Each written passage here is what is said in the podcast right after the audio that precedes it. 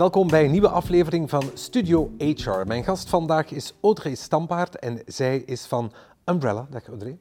Hallo, We goedemiddag. kunnen er ook niet naast kijken. Je hebt een prachtige trui aan van Umbrella, maar eigenlijk zeggen we gewoon Umbrella. Wat doet Umbrella? Wel, um, Umbrella is een HR-platform voor bedrijven om flexibele mobiliteit aan uw werknemers aan te bieden. Zoals eh, het nu populaire mobiliteitsbudget, maar ook abonnementen op het openbaar vervoer en kilometervergoedingen. Van zodra je als bedrijf werknemers hebt die zich verplaatsen, kunnen ze bij jullie terecht. Klopt. En dat moet elke werknemer doen, anders moet je slapen op je bedrijf en dat is niet zo tof. Nee, daar raden we niet aan. Nee, enfin, het kan leuk zijn, maar laat het niet de bedoeling zijn. Waar is Umbrella begonnen? Want jullie bestaan nog niet zo lang, hè? Um, wij bestaan nu drie jaar. Um, wij zijn eigenlijk deel van Labox, um, de Brusselse start-up incubator, deel van Dieteren. Dieteren, die we kennen van de auto's, hè, Ja. de, de vele garages in Brussel. Klopt. en we, eigenlijk bouwen wij nieuwe mobiliteitsoplossingen. Dus naast de bedrijfswagen kijken wij naar de toekomst van mobiliteit. De mobiliteit is heel veel in verandering. en zo bouwt Labox eigenlijk ja, nieuwe mobiliteitsoplossingen waar Umbrella één van is. Ja, dus het begint bij Labbox. Daar geeft Dieteren geld aan om te gaan onderzoeken hoe kan mobiliteit misschien anders. Ja, En als daar goede ideeën ontstaan die van foetus baby worden, dan worden ze in de wereld losgelaten en worden dat aparte bedrijfjes, start-ups. ja klopt. En zo is Umbrella er één van. Zo is Umbrella er één van, ja. En jij stond echt aan de wieg hè, van Umbrella? Ja, we zijn eigenlijk met vier ehm, co-founders, dus mede-oprichters. en ik hou mij bezig met al het commerciële. Wat ik altijd zo fascinerend vind aan een start-up is, ja, dat begint met niks. Hè. Je moet eigenlijk klanten gaan vinden in een markt die toch al behoorlijk verzadigd is. Waar, waar vind je dan nieuwe klanten eigenlijk? Ehm, ja, verzadigd in de zin van bedrijfswagens, maar qua nieuwe mobiliteit, ehm, daar staan we eigenlijk nog echt aan aan het begin. Ehm, dus mijn rol is vooral heel veel uitleggen wat wil nieuwe mobiliteit nu zeggen, wat wil duurzame mobiliteit zeggen. Dus heel veel bedrijven hebben dat wel ergens op hun agenda staan, maar misschien nog niet als allergrootste ehm, prioriteit. Dus ik moet heel veel uitleg geven, wat zijn de voordelen, wat zijn de voordelen voor uw werknemers. Want hoe zet Umbrella zichzelf in de markt? hè? Als jullie nu op prospectie gaan naar klanten, Ja. dan zeggen jullie, wij zijn een bedrijf dat jullie leert om het mobiliteitsbudget verstandig uit te geven. Of hoe moet ik het zien? Wel, we zijn eigenlijk een, een eh, SaaS, wat wij noemen een software as a service, dus een HR-platform. En dus wij gaan niet heel veel advies gaan geven als in consulting, dat doen we via onze partners. Ehm, maar wij zijn echt het, het platform om dat allemaal te gaan regelen. Dus eh, connectie met uw sociaal secretariaat, wil zeggen ook met de loonfiches. En hoe gaan we dan naar de markt is vooral met onze partners. Dus in het begin heb ik heel veel samengezeten met EasyWorks, Securex enzovoort. Ehm, en die verkopen eigenlijk Umbrella aan hun eh, klanten. Dus, de eigenlijk eh, zijn jullie B2B, zeg maar, met de sociale secretariaten en dan de sociale secretariaten bieden jullie aan als oplossing voor de bedrijven waar zij mee werken. Ja, klopt. Ja. Ehm, wat kan ik allemaal bij Umbrella? Hoe zou een sociaal secretariaat Umbrella dan aan mij als ondernemer verkopen? Hè? Wat, wat zou ik daar dan allemaal kunnen in vinden? Ehm, goeie vraag. Stel, ik doe de app open, hè, want jullie zijn een app as a service, of, Ja. of, of hoe had je het Software omschreven? as a service. Software as a service, dankjewel, je bent slimmer dan ik. Ehm, software as a service, wat zit er in die software allemaal? ja, dus eigenlijk begint je als ehm, HR en dan doet ons team een, eh, een onboarding. wil zeggen, ehm, je gaat je werknemers gaan toevoegen en daarin ga je verschillende salarispakketten ja, opstellen eh, aan de hand van wat je werknemers willen. Zij het mobiliteitsbudget, dus je krijgt een lijst met je eh, werknemers en die kiezen dan een eh, mobiliteitsbudget of abonnementen op het openbaar vervoer. Dus per werknemer of per werknemercategorie ga je eigenlijk een salarispakket opstellen wat betreft dan enkel mobiliteit. Dus we zijn geen cafetaria-plan toe, ik weet niet of jij dat kent.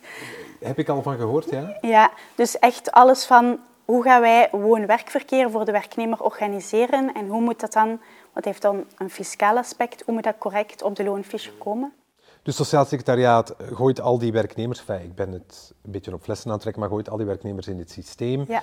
Eh, en een bedrijf koppelt daar dan een mobiliteitsbudget aan. Dat hangt dan af van hoe je onderhandeld hebt, denk ik, en hoe je contract eruit ziet. Stel, daar staat dan mobiliteitsbudget 900 euro naast. Ja, klopt. En dan zeggen jullie, daar is een hele waaier van mogelijkheden. Ja, En dat is wat Umbrella dan met partners voorziet. Ja, dan is eigenlijk de, elke werknemer krijgt zijn eigen account en die gaat zeggen, oké, ik heb 900 euro. Wel, werknemer um, A gaat zeggen, oké, ik wil dat spenderen aan mijn lening. Iemand anders zal zich een fiets kopen. Dus het is eigenlijk een virtueel budget die de werknemer spendeert op die manier die voor hem past. Ik vind het heel opvallend dat het eerste voorbeeld dat je erbij haalt is je lening. Want dat is iets wat heel weinig mensen kennen. Hè? Dat een deel van je lening wordt uh, betaald met je mobiliteitsbudget. Daar gaan we het zo meteen over hebben, want ik vind het heel interessant, dus ik wil er zeker dieper op in. Maar bij mobiliteit denken we dan vooral inderdaad aan salariswagen, aan fiets. Wat zou daar nog allemaal in kunnen zitten? Um, kilometervergoedingen. De zomer komt eraan. Um, wel, eigenlijk kun je naar het werk gaan fietsen en dan krijg je daar een kilometervergoeding voor. Of alles van abonnementen op het openbaar vervoer. Dat zit daar ook in? Zit daar ook in, ja. Deelmobiliteit, steps? Ja. Dus eigenlijk, en dat is dan uh, onze betaalkaart. We hebben eigenlijk een betaalkaart, Umbrella Pay, om te gaan koppelen aan Uber, Poppy, Dot, al die Um, ah, ik mag ook een taxi nemen met dat ja, Je kunt daar ook een taxi mee nemen. En dan betaalt je, dat is eigenlijk een visa-kaart. En dan betaalt je daar alle providers uh, mee die je zelf wil. Of in het buitenland, je gaat naar Spanje, je huurt je een huurwagen op vakantie. Maar ook dat kun je eigenlijk inbrengen in het systeem en wordt je terugbetaald op je loonfiche. En stel, maar ik weet niet of dat van jullie afhangt dan wel van de onderneming. Stel dat mijn budget voor april niet op is, wordt, dat, wordt de rest dan in mei meegenomen? Ja, dus het telt wel op. Dus ik kan een heel jaar sparen om op vakantie een dikke bak te huren eigenlijk, als ja, ik wil. dat klopt. maar goed, dat zal dan weer afhangen van of mijn onderneming dat wil betalen. Ja, nee, dus eigenlijk uw budget als werknemer. Dus stel, je hebt een bedrijfswagen en die kost u als um, werkgever 900 euro. Wel, als werknemer krijgt je eigenlijk dat equivalent in een virtueel budget. Dus voor de werkgever kost neutraal. En voor de werknemer, ja, in plaats van een auto die stilstaat voor de deur, krijg je 900 euro per maand netto, dat mogen we niet vergeten, om te spenderen aan al die opties. Ja, want de werkgever betaalt het sowieso. Waar het dan naartoe gaat, dat maakt hem verder niet zo heel veel uit waarschijnlijk. Nee, klopt. We hebben heel veel bedrijven die zeggen we willen onze policy um, gaan beperken. We, we, willen geen deelsteps of we willen niet dit of dat. Wij, terwijl wij zeggen, ja, het is het budget van uw werknemer. Laat hem de keuze. Er komen elke dag mobiliteitsaanbieders bij.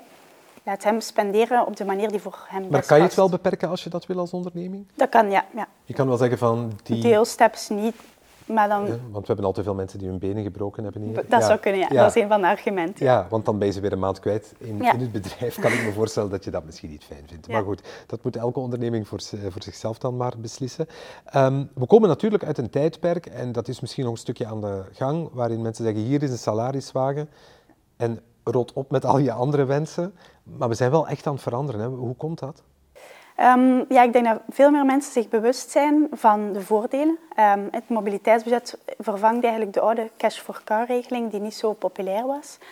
Um, dat had ermee te maken, denk ik, dat het bedrag dat je aan je auto mocht besteden niet altijd het geld was wat je er eigenlijk voor kreeg. Daar zat te veel verschil tussen. Hè? Klopt, inderdaad. En ook de auto werd volledig uitgesloten. Terwijl we moeten realistisch zijn, we wonen in België, lintbebouwing. Um, het is nog niet zo gemakkelijk om van A naar B met al die alternatieven te gaan. Dus in dat mobiliteitsbudget kun je nog altijd een wagen kiezen, zij het een groene wagen. Um, dus dan bijvoorbeeld, neem dan een voorbeeld van mezelf. Ik heb een wagen nodig, want ik moet op verschillende plaatsen zijn. Wel, ik heb een kleinere wagen genomen die groen is. En ik heb nog 300 euro om te spenderen aan lening, fiets, uh, auto op vakantie. Ja, en dat, dat wordt steeds belangrijker. Ja. Dat heeft met duurzaamheid te maken, met wat Europa wil, dat we allemaal minder CO2 moeten gaan uitstoten, maar ook met wat zeker jongere mensen op de arbeidsmarkt belangrijk vinden. Zeker. Um, zeer veel jonge mensen die nu op de arbeidsmarkt komen, die hebben hun rijbewijs niet meer. Um, of die zeggen, ja, mijn partner heeft een, uh, uh, heeft een bedrijfswagen, we hebben er geen twee nodig. En vooral het mobiliteitsbudget in centrumsteden ja, wint echt wel aan populariteit. Dus het is vooral die bekendheid van de voordelen en op het einde van de maand extra loon. Dat zet toch wel mensen aan om, uh, om hun gedrag te veranderen.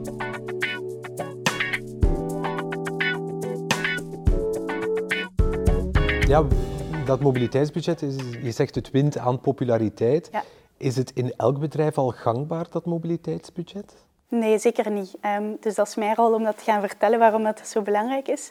Um, maar we hebben wel een gigantisch verschil gezien um, vorig jaar ten opzichte van het jaar daarvoor. Dus nu, studie van SE Works heeft gezegd dat er 1 op 500 werknemers voor een mobiliteitsbudget kiest. Dus het gaat plotseling wel veel sneller. Mhm. Vooral het En stuk- hoe komt dat, denk je? Ja, de bekendheid er rond. En mensen zien van, ah, mijn collega's hebben dat, of ze hebben dat van hun vorig bedrijf. Ehm, en ja, de impact op uw, op uw netto loon om uw waarde te laten staan is wel, eh, is wel mooi.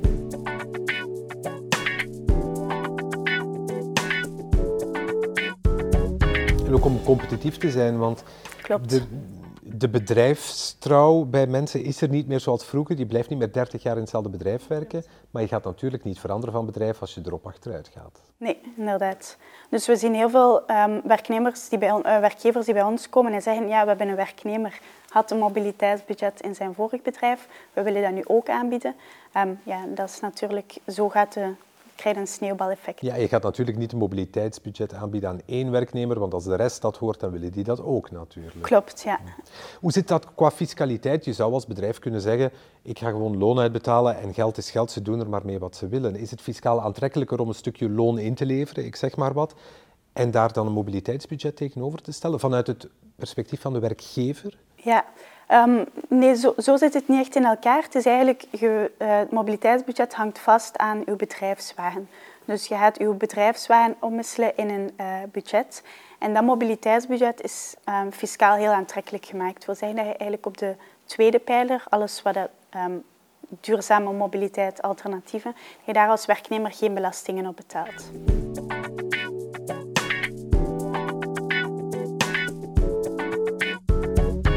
Dus eigenlijk als ik een salariswagen heb, dan kan ik naar mijn baas gaan en zeggen, geef mij het leasingbedrag, maar in mobiliteitsbudget. Ja, klopt. Helemaal. En moet je, werkgever dat doen? Is die verplicht? Nee, dus dat is eigenlijk een, ehm, ja, de keuze van de werkgever. Die kan dat ook ehm, terug gaan aanpassen. Dus het is geen verworven recht voor de werknemer. En ehm, je kunt ook natuurlijk beperken oké, dat de eerste leasing van, moet uitdoen als werknemer, zodat je niet plotseling een werkgever met een parking vol wagens zit. Dus er zijn wel, en het is wel in, in het voordeel ook van de werkgever. Er zit, er zit veel in het mobiliteitsbudget en steeds meer dingen die we misschien nog niet zien. Over de lening gaan we het zo meteen hebben. Ja. Eh, maar de wagen, de deelsteps, het openbaar vervoer, ben ik nog dingen aan het missen? Ja, het bestaat eigenlijk op, uit drie pijlers. Dus de eerste pijler is de bedrijfswagen en dat moet dan een duurzame wagen zijn. Dus een elektrische wagen of eentje met minder dan 95 gram CO2, dus echt de duurzaamheid. En dan de tweede pijler is eigenlijk alles van ehm, ehm, alternatieve mobiliteit en huisvestingskosten. Dus dat is zo ruim als je kunt, eh, kunt bedenken. Ehm, abonnement op het openbaar vervoer, maar voor u en uw hele gezin. Een fiets voor u en uw hele gezin. Ehm, alle deelopties, eh, auto op vakantie. Dus dat is een gigantische lijst. Dus ik mag ook mijn gezin daarvan laten meegenieten. Ja, klopt, inderdaad. En nu, ehm, recent is het nog allemaal meer uitgebreid geworden. Net om, ervoor, ja, om dat echt aantrekkelijk te maken. En wat is net uitgebreid geworden? Tot hoe ver gaat dat dan? Ehm, eh, bijvoorbeeld, eh, vroeger kon je enkel een abonnement voor u als persoon nemen. Nu kan dat voor uw gezin. Ehm, de straal van ehm, uw woonwerk, of de straal tussen uw kantoor en thuis, is uitgebreid. En dan de voorwaarden om in te stappen. Ook vroeger kon- moest je een wachttermijn doorgaan. Dus de regering maakt het wel echt aantrekkelijker om, ja, omdat we meer werknemers zo, zo voor zouden kiezen. En de derde pijler? Derde pijler is dan de cash-out. Stel dat je nog ehm, geld over hebt op het einde van het jaar, eh, of als je het bedrijf zou verlaten, dan wordt dat je uitbetaald in cash. Daar betaalt je wel een bijzondere werknemersbijdrage op. Ik vreesde al zoiets. Ja, dat is niet... Ja, dat nee. wordt wel belast. ja. Dat wordt wel belast, ehm, maar dat is een eh, bijdrage 38% dus nog altijd beter ehm, dan dat je het een bruto ja, salaris bij Enfin, het is nog altijd beter dan niks. Ja. Voilà, Ja. inderdaad. Dus wij proberen altijd zijn optimalisatie in de tweede pijler, ehm, maar sommige werknemers kiezen ervoor om cash te hebben. Ja, Ehm, goed, nu die lening, want dat is iets wat ik al een paar keer heb horen passeren. Ik vind dat wel een heel aantrekkelijk idee dat je je mobiliteitsbudget kan gebruiken om de lening bij de bank af te betalen, of de huur. Ja, klopt. Hoe zit dat in elkaar? Ja, dus, dat is heel interessant. Dus als je ehm, binnen een straal van 10 kilometer van kantoor woont, of ehm, meer dan 50% van de tijd van thuis mocht werken, dan mocht je je mobiliteitsbudget gebruiken voor je lening of je, huis, allee, of huur. Ehm, dus dat maakt het voor veel werknemers wel heel interessant. En dat mag, ik mag dat hele budget daarvoor gebruiken? Ja. Je mocht je hele budget daarvoor gebruiken. Ehm, er zijn veel werkgevers die dan in hun policy opnemen van oké, het dient wel in de eerste plaats om naar kantoor te gaan. En consultingbedrijven die dan zeggen oké, mijn werknemers hebben misschien schrik dat, ze, dat we niet meer naar de klant zullen gaan. Ehm, dus daar zijn mogelijkheden voor, maar je mocht dat hele budget is uw budget. Maar ik moet wel binnen een straal van 10 kilometer Ja, van mijn bedrijf wonen. ja klopt. Of 50% van de tijd van thuiswerken. Ah, oké, dat is Ja. wel een niet eh, onbelangrijk detail. Dus ik mag een buitenverblijf in Spanje kopen. Als ik van daaruit 50% van de tijd werk voor mijn bedrijf, betaalt mijn bedrijf dat buitenverblijf. Eh, nee, want dat zou wel heel leuk zijn. Dat zou heel fijn zijn. Dat zou heel fijn zijn. Ehm, het gaat over ehm, waar hij effectief woont, dus je moet aantonen dat dat je lening is voor je hoofdverblijfplaats. Hè, dus een buitenverblijf mag niet. Ehm, maar wij krijgen ehm, eh, in het platform hebben wij dan de chat en dan krijgen we de meest zotte vragen, bijvoorbeeld dit, maar ook maak ik mijn woonboot financieren met eh, mijn mobiliteitsbudget. Dus je moet er gedomicileerd Ja, zijn, moet moet, je hoofdverblijfplaats zijn. Klopt, en de lening of de huur moet op uw naam staan. Oké. Ehm, en dan moet je dat aantonen. En mag het op jouw naam en die van je partner staan? Ehm, ja, dat is een goede vraag, eh, maar de lening moet inderdaad op uw naam staan. Ja. Interessant allemaal. Hè? Ehm, je zegt, het wint aan populariteit. De studie van SD Works toont dat dat nu al bij heel veel mensen toch ingang vindt en dat steeds meer bedrijven toch ook de switch maken in hun hoofd. Hoe zie je dat de komende tijd evolueren? ja, ik denk dat het alleen maar ehm, aan populariteit zal, eh, zal winnen. Ehm, zeker cafetaria-plannen staan nu onder druk qua fiscaliteit. Dus meer bedrijven gaan kijken naar het mobiliteitsbudget. Cafetariaplan misschien, hè, voor wie toch uit de lucht valt, Ja. even kort toelichten. Een cafetariaplan is een optimalisatie van je dertiende maand en je bonus. Terwijl een mobiliteitsbudget is een optimalisatie van woon-werkverkeer. Ja. En waarom staat dat onder druk, dat cafetariaplan? Ehm, ja, een regering die, ehm, die daar een eh, andere wetgeving...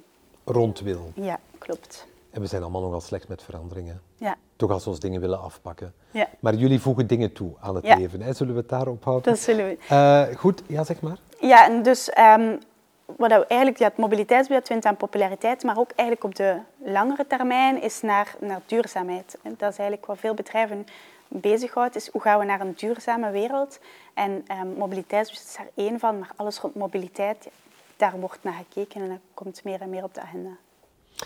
En mensen die met jullie in zee willen gaan, die kunnen jullie online vinden of moeten ze via hun sociaal secretariaat gaan? Of kunnen jullie ook rechtstreeks? Beide.